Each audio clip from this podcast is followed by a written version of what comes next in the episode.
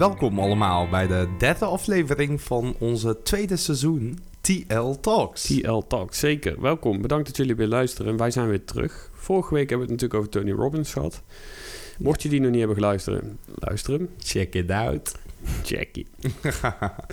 Ehm, vandaag gaan we het hebben over een eh, bekende yogi uit India.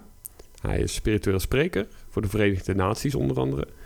Uh, hij is schrijver van meerdere boeken, oprichter van een zeer grote non-profit organisatie die over heel de wereld operate. En bovendien ook wel een grote inspiratiebron voor onszelf. Zeker. We hebben het vaak over, we kijken vaak zijn, zijn lessen, zijn video's, lezen zijn boeken. Ja. We gaan het hebben over Sadhguru. Sadhguru. Zeker. Yes, sir. Wat, vertel eens eigenlijk, wat, wat Ja. is zijn story? Wie is Sadhguru? Eh Sadhguru, zoals al onze andere eh, gasten die we onder de loep hebben genomen, hebben we ook weer eh, ingedoken in de Sadhguru. Eh, hij heet eigenlijk eh, Yagi Vasudev. Dat is zijn, eigenlijk zijn Mhm. birth name. Nou, hij is geboren in 1957 in India. Eh, opgegroeid in een eh, familie van vier kinderen, waar zijn moeder gewoon een huisvrouw was. En zijn vader zat iets in de medische wereld, iets van de oogartsachtig. Ehm, heel vaak verhuisd in de jeugd.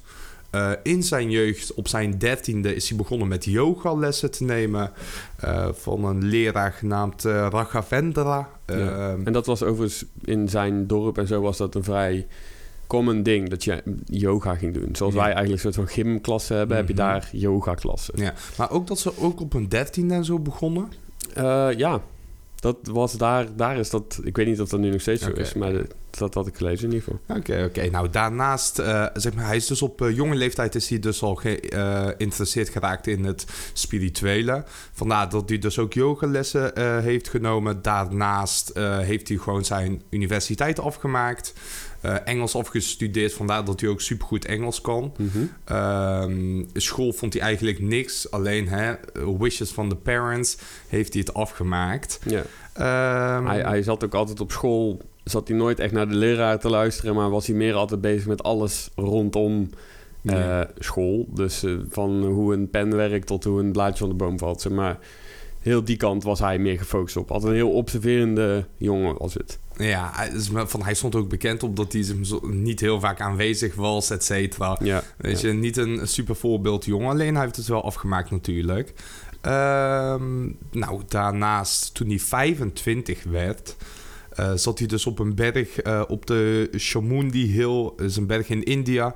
Mhm. Eh, zat hij dus op een steen waar hij dus een spirituele ervaring meemaakte. Eh, vandaar eigenlijk zes weken later. Nou, had hij zijn bedrijf wat hij toen had. was volgens mij een klein bedrijf, heeft hij weggegeven.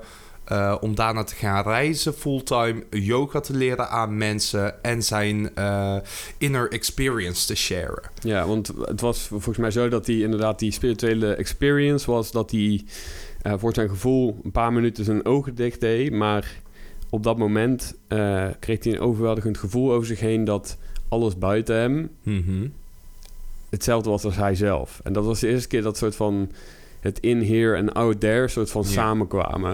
En dat was voor hem zo'n powerful experience. Hij dacht dat het dus maar vier, vijf minuten duurde. Mhm. Dat hij zijn ogen opende, op de klok keek... en dat uiteindelijk, wat was het, vier uur later bleek te zijn. Ja. En sindsdien dacht hij van, wow, wat, wat is dit? En sindsdien heeft hij dat vaker gekregen. Ik las ook dat hij dat een keer had, dat hij bij een family dinner was. En ehm, had hij dus dat weer. Hmm. Alleen toen was het zeven uur, terwijl het voor hem een kwartiertje leek, zeg maar. Eh, het was dus zeven uur lang. Toen werd hij wakker, er zaten allemaal mensen knielend bij zijn voeten. Van, ja, dat was gewoon een soort van Boeddha-story. En eh, toen heeft hij zichzelf de missie gesteld om eigenlijk iedereen ter wereld kennis te la- laten maken met dat gevoel. Of in zijn woorden, de waarheid. Ja. Dus dat is sindsdien zijn missie geweest. En toen is hij dus inderdaad gaan reizen. Zeker. Eh, door heel India op zijn motor is hij dus eh yogalessen gaan geven. Eh, zijn geld wat hij verdiende gaf hij aan charity, et cetera, toen. Ehm, dat is eigenlijk een beetje zijn... En natuurlijk heeft hij wel veel meer Mhm. dingen meegemaakt. Ook met zijn vrouw wat overleden was. Dat mensen dachten dat hij dat had Hij gedaan. heeft ook een, een dochter, toch? Mm, Klopt, zeg maar, zij is volgens mij een zanger of een danser, zeg maar, Ja, die ook ja. optreedt bij de eh Ishas. Ja, ja, Ehm, klopt. Dat is het. In 1992 heeft hij dus die Isha eh, Foundation opgericht, eh, wat je net al zei. Zeker, non-profit. hoeveel miljoen Ja, mensen zijn nu vrijwilliger? Ja, miljoenen mensen die vrijwilliger zijn voor zijn non-profit organisatie. Dat is echt, ik vind dat wel ziek. En dat ze ook mensen kijken naar hem van, oh, hij is een yogi, hij doet niks, hij zit de hele dag te Mhm. mediteren. Maar hij zegt dat zelf ook vaak.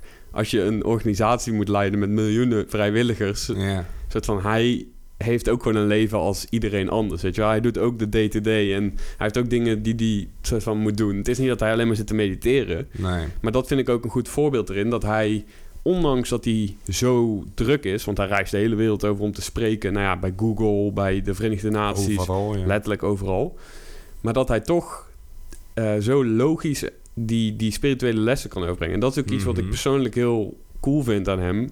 Ja. Dat alles wat ik van hem lees of hoor... klinkt zo logisch.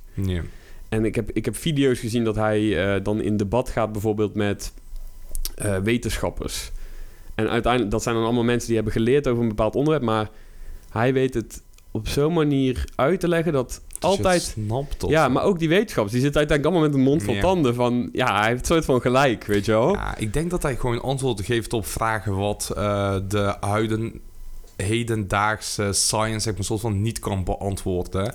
Ja, Eh, en dat doet hij wel. Kijk, en natuurlijk in het begin bij al zulke, eh, bij zijn gesprekken is het soort van, hè, in het begin eh kijkt die wetenschapper om het zo maar te zeggen, denk dan van, waar heeft deze man het over? Maar naarmate dat hij verder begint te praten, weet je wel, meer uitlegt, dan snap je het ook gewoon. ja, maar het lijkt ook, tenminste voor mij lijkt het alsof hij zoveel toegang heeft tot zoveel informatie. Hoe denk, Ja. Waar denk je dat hij dat vandaan had? Want hij zegt, dat hij is dus inderdaad met school gestopt Ja. uiteindelijk. Nooit hoger onderwijs genoten, Nee. dat soort dingen.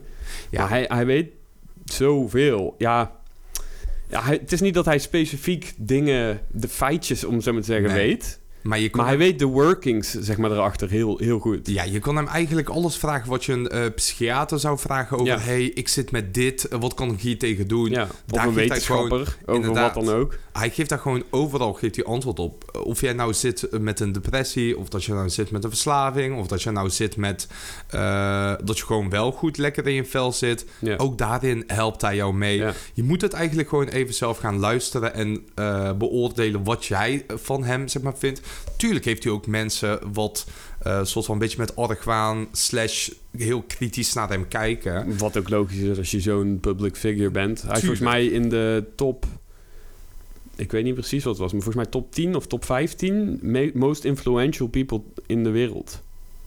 In die lijst staat hij.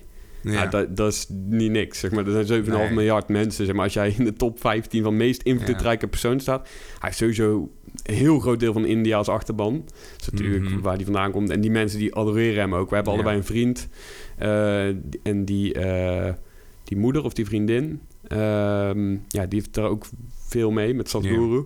Hij zegt ook van die mensen die adoreren hem Ja, letterlijk. hun hebben gewoon letterlijk een beeld van hem staan Ja, thuis ja. met kaartjes aan. Als er iets is, bidden staan. Ja. Maar je vroeg van... ehm, Hoe hij aan die informatie komt, ja. kijk, eh, wat hij dus beschrijft, wat hij heeft meegemaakt op die eh, rots... is, wat ik denk, enlightenment. Mhm. Hij heeft daar een gekke experience meegemaakt... waarin hij eh, is in gaan zien dat eigenlijk jij en jouw lichaam... en wat jij bent, zeg maar, soort van niet ophoudt bij je fysieke grens... om het zo Ja, maar te zeggen. Bij Want het einde van je vingers, zeg maar. Of je einde van je huid, hoe je het dan. Inderdaad, zeg maar van als je je eh, hand even aanraakt, nou dan weet je, oké, dat ben ik. Als je een tafel aanraakt, dan heb je niet het gevoel dat jij het bent. Ja. Eigenlijk, zeg maar, soort van quantum physics, spiritualiteit, zegt dat wel. Alles is energie. Alles wat jij ziet, dat ben je ook Ja. zelf. Het is gewoon een soort van zee, voor, ook volgens wetenschap tegenwoordig, eh, dat het gewoon Quantum, een zee van ja. energie is. Ja, En jij ook. Klopt. Dus, Dus hij- jij bent diezelfde zee als de tafel waaraan je zit of de auto waarin je nu rijdt. Inderdaad, alleen dat beseffen, dat eh, vergt gewoon een bepaalde stap, slash kennis, slash inzicht. Dat heeft hij dus gekregen op die berg. Ja. Hij is dus enlightened. Wat betekent enlightened? Soort van je ziet alle moois in de wereld. Je verlicht. Je bent verlicht van, van de burden of je mind, denk ik. Maar, en daardoor include je alles wat niet je mind is. Ik, denk, ik zie het in ieder geval zo. Ehm, even kijken, ik had er iets over gevonden. Ja, hij zegt... Oh ja, dat is een famous ding wat hij vaker zegt. Dat je mind is meer als een Mhm. mes. Ja, En hoe wil je je mind hebben? Scherp, scherp. toch? Je wil dat je mind Tuurlijk. messcherp is. Dat jij alles kan dissecten. Mhm. Hij zegt maar, dat is de enige functie van je mind. Om dingen uit elkaar te halen. Om Onderscheid kleiner te ja, kleinere stukjes ervan te maken om alles in orde te doen. Ja. En zeg maar, dat is niet hoe je bij de werkelijkheid komt of bij de waarheid. Dus de waarheid is juist de andere kant. Is juist het groter maken. En hoe kom je daar? Nou, daar heeft hij dus... Zijn experience is dus inderdaad Mhm. het non-thinking. Zoals eigenlijk iedere spirituele teacher wel zegt. Ja. Dat je eigenlijk je mind niet moet gebruiken. Om de waarheid in te zien. Ja, dat is dus eh, wat hij heel vaak doet bij zijn lezingen. En dan zie je hem letterlijk zie je hem op een podium zitten met eh, drie, vier mensen ernaast die eh, bijvoorbeeld zingen, zeg maar, soort van, om hem in een gekke flow te krijgen. Mhm. En dan zie je hem ook super stil. En hij heeft ook wel eens vaak gezegd van, hey, ik heb dagen gehad dat ik geen gedachten had. Ja, hij zegt dat hij bijna nooit denkt. Hij zegt, denken heeft een functie. Als jij moet plannen hoe laat jij morgen bij een afspraak moet zijn... dan kan je je mind voor gebruiken. Of je moet een rekensom oplossen, weet ik veel wat. Dat Ja. is een heel, heel goede tool. En ik vind het ook interessant dat hij dat zegt. Want je hebt, vroeger had je... ehm, de Egypt, oude Egyptenaren, die hebben een bepaald teken... eh, bij de hieroglyphen hebben ze gevonden. Mhm. Ze konden eigenlijk bijna alles ontcijferen behalve één teken. En dat is pas echt, ik, ik weet niet precies hoeveel jaar, maar echt jaren later kwamen ze erachter wat dat was. Ze hadden de five senses, hadden ze allemaal een apart hieroglyf voor, zeg maar. En dan hadden ze dus een zesde. Alleen niemand wist van, wat is die zesde? Uiteindelijk zijn ze dus achtergekomen dat die zesde, dat de oude Egyptenaar die zei dat al, dat dat zesde symbool staat voor je mind. Dus de Egyptenaren zagen je mind niet als ik, Ja. Maar als een tool. maar als een je- tool. Net zoals dat jij kan ruiken of kan zien. Hmm. Zo kan je ook je mind gebruiken. Ja. Dus dat vond ik ook wel interessant. Maar wa- wat, wat denk jij eh, van dit, Luc? Kijk, hij eh, is dus iemand die verlicht is. Hij gebruikt meerdere dagen gebruikt hij zijn eh, mind niet. Maar toch heeft hij een foundation, zeg maar, soort van met miljoenen mensen. Kijk, daarvoor, wat je net zelf ook al zegt, hè, je mind gebruiken om te plannen. Mhm. Denk jij dat dat het enige is waar hij zijn mind voor gebruikt? Dus hij staat, laten we zeggen, op. Ehm, normaal gesproken, normaal ieder ander mens heeft dan, laten we zeggen, 100 gedachten. Wat ga ik straks doen? Wat heb ik gisteren gedaan? Wat ga ik morgen doen? Hij gebruikt zijn mind alleen om te plannen. Ja. Hè? Waarvoor je het ook moet gebruiken. Ja. Zoals van, oké, wat moet ik nu... Straks heb ik, eh, weet ik wel, een, eh, nieuw bedrijf wat ik moet opzetten. Daarvoor moet ik dit en dit doen. Ja. En that's it. Verder geen emoties. Denk je dat dat het enige is wat hij daarmee doet? Denk ik wel, ja. Ik denk dat dat de, de quality is die iedereen kan verwezenlijken uiteindelijk. Maar waar zit het zeg maar, soort van verschil dat je je mind gebruikt om te plannen en Nou, je mind gebruikt voor... Ik denk dat de meeste mensen, eh, en ik ook en jij ook denk ik, ehm, constant denken. Dus er is constant een soort van eh, ruis aanwezig. En hij zegt dus, 90% van die ruis is overbodig. Want dat gaat nergens over. Hij zegt, "Pe- people aren't suffering life, they are suffering, suffering their memory and imagination. Ja. Hij zegt, want je, of je zit zeg maar nu na te denken over... ja, dit is gebeurd, dit is gebeurd, had het Mhm. zo moeten gebeuren? Of je zit al scenario's te bedenken die nog helemaal niet zijn gebeurd. ja, dan heb ik dus een vraag. Is maar, een soort van de, de way to go dat je, eh, zoals Sadhguru, dan geen gedachten hebt? Of dat je traint om geen gedachten te hebben? Of is het ding... Heb de gedachten, alleen identificeer jezelf daar niet mee. Jij bent die gedachten Mhm. niet. Laat ze maar zijn. Wat iemand ook zei, weet je wel, gedachten zijn de hum of the world. Zoals dat- dat je buiten Ja. zit in je tuin, je hoort vogels, dit, dat. Ja, zo kan je ook je gedachten horen. Daar, daar geloof ik ook zeker in. En als ik in ieder geval Sadhguru aanhoud... hij zegt van, eh, hoe meer je daar aandacht aan besteedt... Hoe meer jij eh, inderdaad niet identificeert met Mhm. iedere gedachte, maar ze meer ziet als gedachte, hoe minder die ruis wordt. Tot op een punt dat je gewoon bijna geen gedachten meer hebt. Dat, dat, dat die gewoon nauwelijks door je heen komen, zeg maar. Tenzij jij je mind wil gebruiken. Dat is ieder geval zijn... En ik weet ook van Eckhart bijvoorbeeld ook. Die zegt ook precies hetzelfde. Hij zegt, hoe meer jij disidentificeert met gedachten... Mhm. hoe minder gedachten er uiteindelijk in je hoofd rondgaan. Mhm. Niet, wil niet zeggen dat zij natuurlijk nooit gedachten hebben. Ja, ja, ja. Althans, dat lijkt mij niet. Alleen niet zo vaak, niet zo intens, niet zo beladen. eh, Inderdaad. Het komt en het gaat. Ik denk dat, dat, ook, dat daar het woord verlichting vandaan komt. Want 90% van die gedachten creëert alleen maar suffering en onzin eigenlijk. Als ik in ieder geval voor mezelf spreek, als ik in de auto zit, ik ben aan het denken. Ja. Onbewust. Maar er gaan allemaal gedachten en allemaal scenario's of dit moet gebeuren, dit. Ik ben overal mee bezig, behalve met het autorijden, om het zo maar te Oké, zeggen. ik heb een vraag aan je, Luc. Dit hebben we niet eh, eh, geoefend of wat dan ook. Ehm, je weet wat ze zeggen, zeg maar, soort van wanneer je bezig bent met denken aan van alles, dan leef je niet in het nu. Hier hebben we eh, vast in vorige afleveringen ook wel over gehad. Weet je, als je in het nu bent, dan denk je niet. Want als je denkt, is het ofwel de toekomst ofwel de verleden. Mhm. Dus daarom zeggen ze dat ademhaling oefenen su supergoed is voor je. Waarom? Dan focus je op het ademhalen, niet op enige gedachten, wat dan ook. Een soort van Dat, is discipline. iets, ja, dat is iets wat toch deel. gebeurt, je ademhaling, Klopt. in het nu. Dus inderdaad, dat is iets constants waar je op kan focussen. Ja. Klopt, maar dan heb ik een vraag. Zeg maar, van, ik heb ook wel eens gelezen dat eh, bijvoorbeeld mensen roken. Mhm. eh, omdat ze. Kijk, waarom roken mensen? Wanneer steek je een sigaret op? Wanneer je Stress, gestrest dit, bent? ja. Wanneer je dit. dat er iets gebeurt. Nou, ik heb ook gelezen dat mensen daarom eigenlijk onbewust ook roken. ja, omdat ook ze gehoord. soort van onbewust toch op hun ademhaling willen letten. En dit is gewoon een tussen haakjes wereldse manier om dat te doen. Wat vind je Mhm. daarvan? Ik denk dat dat wel klopt. Ik denk niet volledig. Er zijn ook fysieke of hoe noem je fysiologische aspecten aan. Mhm. Dat jouw lichaam ook echt bepaal, gewend raakt aan bepaalde stoffen in een sigaret. Dat denk ik wel. Maar ik denk zeker... Ik, ik zelf ook gerookt natuurlijk. Mhm. Als ik ging roken, dan was het vaak even om... Inderdaad, onbewust daarop te letten. Om even... En het is niet alleen met roken. Ook als jij zegt... "Ah", een soort van ontspanning. De Ja. sigh of relief. Weet je wel? Van... "Ah." Maar het is je adem. Ja. Het is je adem. Weet je wel, van wij nemen het allemaal voor lief. En het klinkt zo normaal, omdat je zo vaak mensen dat hoort, laten, hoort doen. Maar het is eigenlijk gewoon een vorm van ademhaling. Waar mensen zich eventjes op focussen van... Ah, het is voorbij. Of Maar toch doen heel veel mensen bijvoorbeeld niet mediteren. Terwijl ze eigenlijk onbewust dus... En dan hebben we het natuurlijk niet over iedereen die rookt of wat dan ook. Maar Mhm. mensen die roken na een stressgeval of wat dan ook. Nou ja, dat, dat is iets waar ik het dan ook heel erg mee eens ben met wat Sadhguru zegt. Hij zegt ook van dat eigenlijk mensen alles kwakkeloos overnemen vanaf hun geboorte. Mhm. En totaal niet weten wie zij zelf zijn of wat het leven is. Ja. Maar omdat zij zo geconditioneerd zijn om niet die vragen te stellen. Ja. K- Ik bedoel, kijk eens om je heen. Kijk letterlijk eens even om je heen. Hoeveel detail zie jij om je heen? Ja. Wat is dat? Wie ben ik? Weet je wel, van Ja. dat soort vragen. Dat, dat zijn natuurlijk... Nou, hij zegt dat ook, van...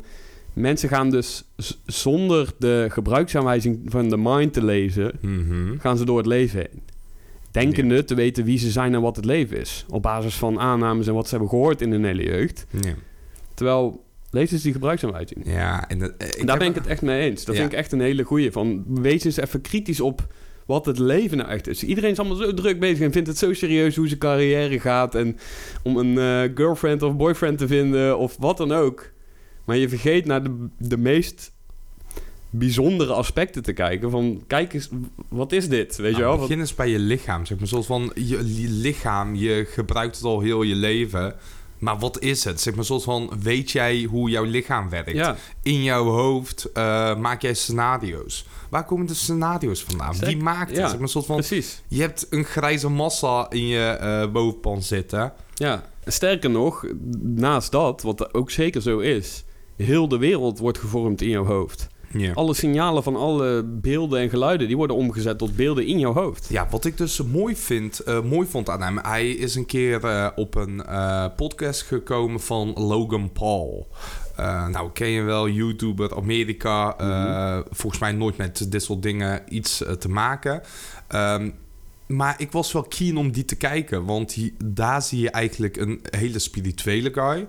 Eh, naast iemand die eigenlijk nooit zich uitspreekt over dat soort zaken. Nou, daarin probeerde hij dus eigenlijk zo dumb-down eh, uit te leggen wat spiritualiteit is, hoe je er naar kan kijken. Mhm. Ook dat hij zeg maar soort van zegt, pakt hij een glas water, drinkt hij water, zegt hij, ben ik deze glas water? Hun zeggen maar nee, wat bedoel je? Dan ben je toch niet een glas water? Hij zegt dus, ik ben niet deze water, zeg maar, wat in deze glas zit. Nee, dat ben je niet.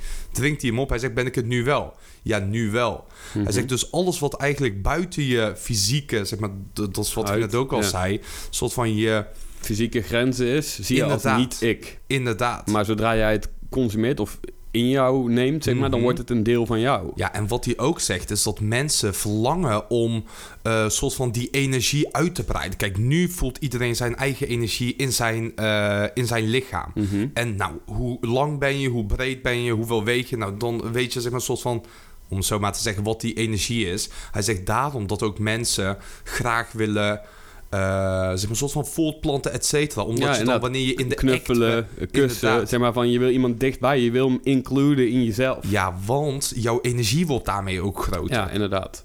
Dat vond ik ook een hele goeie, inderdaad. Dus maar van, ik moest daar wel even over nadenken. Zeg maar zo van, oké, je knuffelt.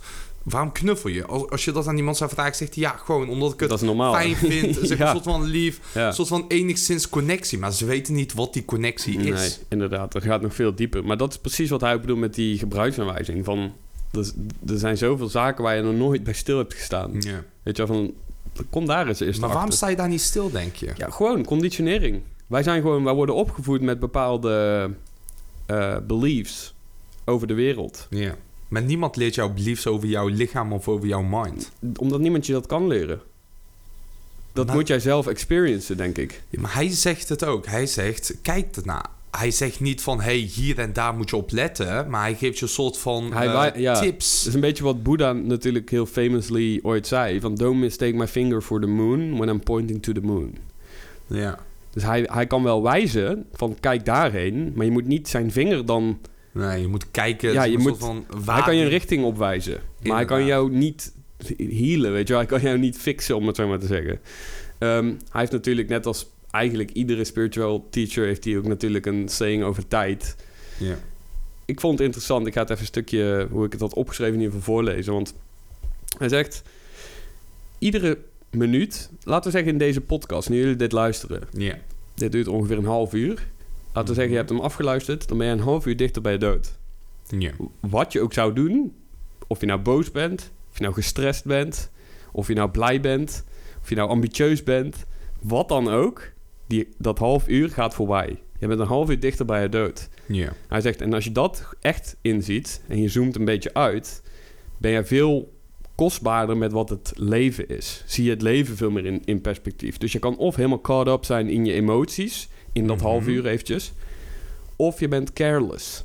Je bent zeg maar, je, je, ziet, je ziet het geheel van je leven. Waarom zou je dan dat invullen, dat half uur, met gevoelens van, ja, die niet chill zijn? Of- Maar denk je niet dat hij daarmee bedoelt dat je zeg maar, soort van jezelf dan gewoon niet super serieus moet nemen? Want als je jezelf wel serieus zou moeten nemen en je hebt eh, zeg maar, soort van je gaat nadenken over een half uur dat je dichter bij je dood komt, dan denk je, oh, maar dit heb ik niet gedaan, dat heb ik niet gedaan, Mhm. dit zou ik nog willen doen. Weet je wel, als je daarvan bewust bent, weet je wel, Mhm. van deze half uur heb ik eigenlijk verspild, half uur ga ik eerder dood. Maar eh, denk je niet dat hij ja. een soort van zegt van, fuck it, let it go. Ja, nou ja, het grappige is, kijk, als je dat gaat afvragen, dan vul je Ja. dat half uur in met dat. Met gedachten over, oh shit, ik moet dit en dit. Is weer gestrest. Ja. Dus je laat er live, live, letterlijk het leven laat je aan je voorbij gaan, door zelfs dat al te denken. En dat, dat is het ding van... Nee, ik zie je nee schudden. Ik ben even Nee, benieuwd. het is- maar van, ik, ik zeg... eh, kijk, Sadhguru zegt als je een half uur... eh, eh, maakt niet uit wat je in die half uur doet. Je bent half uur eerder bij je dood. Dichterbij. De, de half uur verstrijkt hoe dan ook. Inderdaad. Dus Ja. je hebt geen controle eigenlijk, zegt hij, over tijd. Kan je net zo goed... dat is wat ik denk dat hij bedoelt. Kan je net zo goed eigenlijk... soort van... al je conditionering weglaten... en het niet zo serieus nemen. Ja, en met conditionering bedoelt hij dan het denken. Klopt. Ja, dus, eh, en als jij dan inderdaad gaat denken, ja, denken is denken, om het zo maar te zeggen. Dus hoe je dat Ja. half uur ook invult, je kan beter, je laat het leven aan je voorbij gaan als jij in je mind zit. Als je de- nadenkt, om het zo maar te zeggen eventjes. Oké. Wat denk jij dat er moet gebeuren voor mensen dat zij dat de, de meer fundamentelere kant van het leven gaan willen inzien? Want dat is iets waar ik vaak zelf tegenaan loop als ik met mensen hierover heb die Mhm. misschien nog niet zo mee begaan zijn. Is dat het lijkt voor mij alsof zij het niet willen. Alsof zij, misschien dat ze ervoor openstaan om mij aan te horen. Alleen Mhm. dan, uiteindelijk heb ik altijd zo'n gevoel dat ze niet echt de diepere aspecten van het leven in willen zien. Of de, die vragen willen stellen. Ja, eh, wat ik denk sowieso is dat het makkelijk is als je daar niet aan denkt. Want dit zijn onderwerpen, dit zijn eh soort van dingen wat er in je leven gebeurt... waar je daadwerkelijk soort van eh, aan kan grijpen en er ook iets aan kan doen. Snap je, als je een hele slechte jeugd hebt gehad en je ziet zeg maar soort van de ways om in je hoofd, in je leven, zeg maar soort van op een kalme level te komen, kan dat. Eh, alleen wat ik denk is dat heel veel mensen één het niet weten, twee eh, niet weten wat ze eraan mee zouden moeten doen. Ook al zegt iemand, hey, je moet dit doen, dat doen. Maar luister vriend, ik heb de afgelopen 20, 30 jaar van mijn leven heb ik het zo geleefd. Eh, een soort van, nu zeg je tegen mij dat ik eigenlijk alles anders had kunnen doen. Nee, zo bedoel ik het ook niet echt. Ik bedoel meer, eh, kijk, ik zeg niet van, hey, eh, je hebt het zo gedaan, je hebt het fout gedaan, eh, doe dit. Dat Ja. Totaal niet. Ik bedoel juist meer van als. eh, en ik ben ook wel even benieuwd naar onze luisteraarsreacties. Dus reageer even op onze volgende post. eh, als je dit onthoudt. Hoe kijk jij daar zelf naar? Als wij dit nu zeggen, weet je, van kijk eens naar Ja. de diepere aspecten van het leven. En daarmee bedoelen van wie ben jij? Stel jezelf die vragen. W- hoe reageerde jij erop? Heb jij daar dan in je gevoel, zeg maar, in jezelf zo'n gevoel van afgunst of weerstand? Of is het juist dat je het niet interessant vindt? Ja. En waarom dan niet? Daar ben ik gewoon heel benieuwd naar. Ja. Omdat ik daar vaker tegenaan loop. Maar wat, wat jij net ook eh, zegt en wat Sadhguru ook zegt... Mhm. ehm, hij hoort heel veel mensen, en ik ook... die allemaal zeggen of posten op Instagram voortaan van... be in the now, be in the moment. Ja. Ehm, hij zegt... be in the moment, zeg maar van... hoe kan je überhaupt ergens anders zijn? Je bent al in the moment. Dus zeg maar weer een gedachte. En dat is de soort van spiritual trap, noem ik het. Van om gedachten te gaan krijgen, meer en meer en meer... over dingen die jij moet doen... die spiritueel zogenaamd goed zijn... Mhm. wat uiteindelijk in essentie nog steeds gedachten zijn. Dus bijvoorbeeld een... Oh, ik moet mediteren, want dan ben ik in het, in het moment. Dan ben ik in het nu. Maar hoe kan je überhaupt ergens anders zijn? Ja, en zeg maar, een soort van, als je gewoon heel die gedachteproces skipt, laat zeggen, je krijgt een gevoel van, hé, hey, hmm, zou ik vandaag Ja. eens even gaan mediteren? Ja, en zo merk je ook weer... Je kan niet iets leren om... Nee. Niemand kan jou zeggen van doe dit, want dan gaat het alweer voorbij aan het punt. Ja. Dus dat weer met dat finger to the moon. Ja, ik denk dat heel veel mensen. ehm, en daar heb ik, zeg maar, een soort van in lichte mate heb ik, daar, heb ik dat ook meegemaakt. Is dat ik het eh, in theorie, soort van tussen haakjes, wel wist.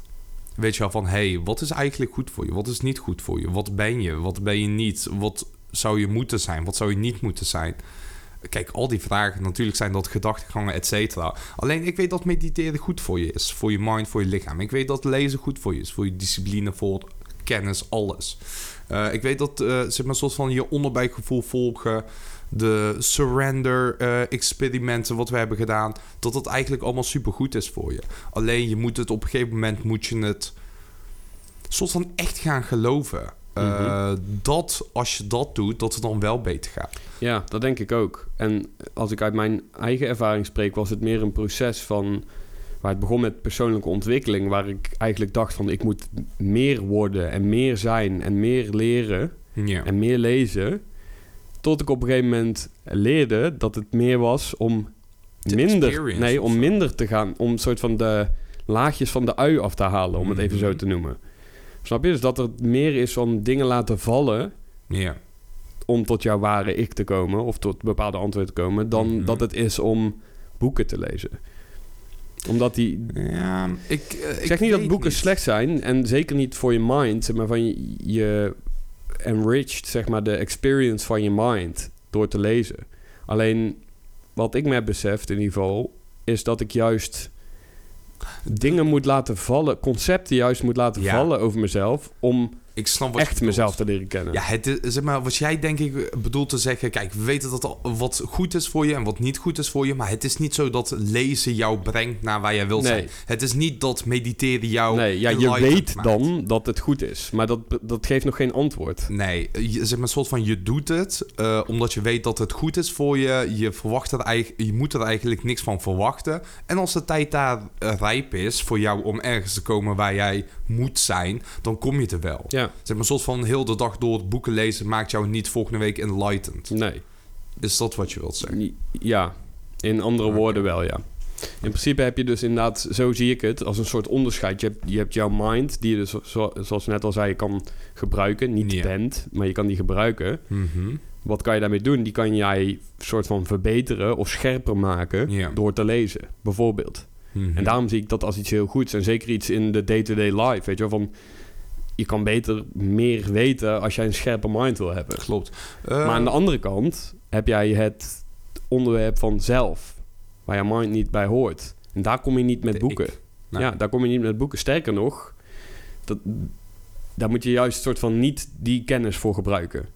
Ja, je, Omdat het weer met dat kleiner maken en groter maken, dat, dat ding zeg maar. Ik snap wat je bedoelt. Alleen, je hebt boeken waarin ze eh, uitleggen bijvoorbeeld zeg maar, dat alle gedachten wat in je opkomt. Eh, weet niet of we dit al hebben benoemd. Weet je wel, van ik ben en dan komt de rest. En Ja. zij zeggen, na de ik boeit eigenlijk niet meer. Focus gewoon alleen op de ik. Denk je iets, haal het weer terug op de ik. Ja. Want dat is het enige wat je zeker weet. De, zeg maar, soort van de energy die jij Ja. er is niet twee, eh, zeg maar, een soort van personen in je hoofd van... ik vind mezelf eh, dit of eh, ik vind dat ik dit anders had moeten doen. Nee, klopt. Heb je wel eens gehad, Luc, dat je zeg maar, een soort van in een gedachtenbubbel tijd zit, whatever... en dat je dan denkt, wie de fuck zit er allemaal te praten, zeg maar, Ja, jawel. Jawel, dat heb ik ook heel intens gehad zelfs. Een beetje personal story. Ik heb last gehad van paniekaanvallen, redelijk wat. En vooral in die periodes heb ik dat heel erg gehad. Dan, want een paniekaanval, sinds bij mij, beïnvloedt dat ook mijn gedachten. En mijn Ja. gedachten worden daardoor een soort van... Op een, in een bepaald tijdbestek heel negatief. Ja. En vooral in die momenten heb ik van die momenten gehad dat ik dacht... Wie de fuck is dit? Wie zegt dit? Weet je wel, wat, wat zijn die fucking gedachten? Weet je wel, van... Dat vind ik ook een goeie. Van, iedereen kan jouw mind, soort van jouw hersenen kunnen ze uit jouw eh, schedel halen en kunnen ze Mhm. onderzoeken. Maar waar zitten die gedachten? Waar zitten al die, die geheugen, hoe noem je dat? Eh, Die stemmetjes. nee, memories. eh, Ja. Herinnering. Al die herinneringen. Die kan nooit iemand terugvinden, maar ze zitten er wel ergens. Ja. Dat vind ik een heel interessant iets. En ik denk dat dat een beetje laat zien dat je daar met kennis niet komt. Nee, zeg maar een soort van... En dat is waar die eh, scientist, et cetera... zeg maar een soort van geen antwoord op Nee. hebben. En ook nooit op Eh, zullen hebben. Nee, maar een Sadhguru met hele logische antwoorden jou daar wel in laat geloven. Ik zou zeggen, heb je, loop je ergens tegenaan in je leven?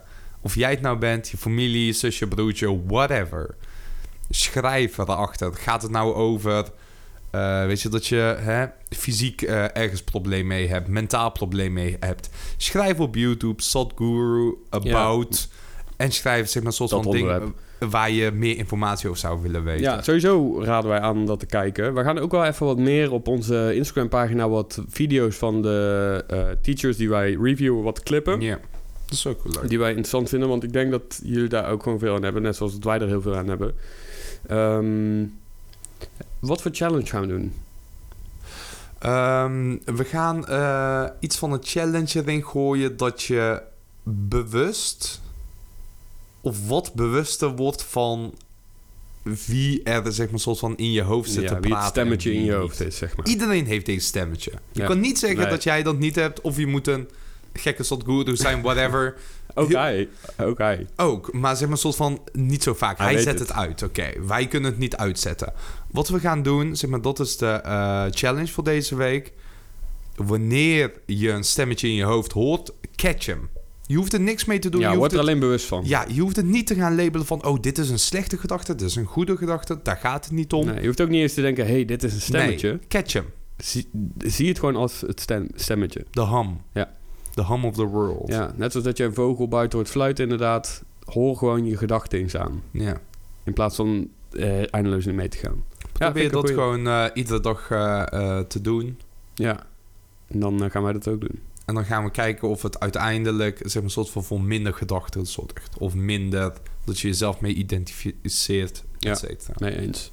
Laat vooral weten op onze Instagram, TL Talks met podcast, wat Yes, jullie ervaringen ermee zijn. Ehm, ga even naar iTunes, jongens. Wij gaan het nog een keer zeggen. Ga even naar iTunes. Laat een goede 5-star review voor ons achter. Dat helpt ons. En dan eh sluiten we het hiermee af. We willen jullie weer bedanken voor het luisteren. En we catchen jullie bij de volgende keer. Bye bye. Bye.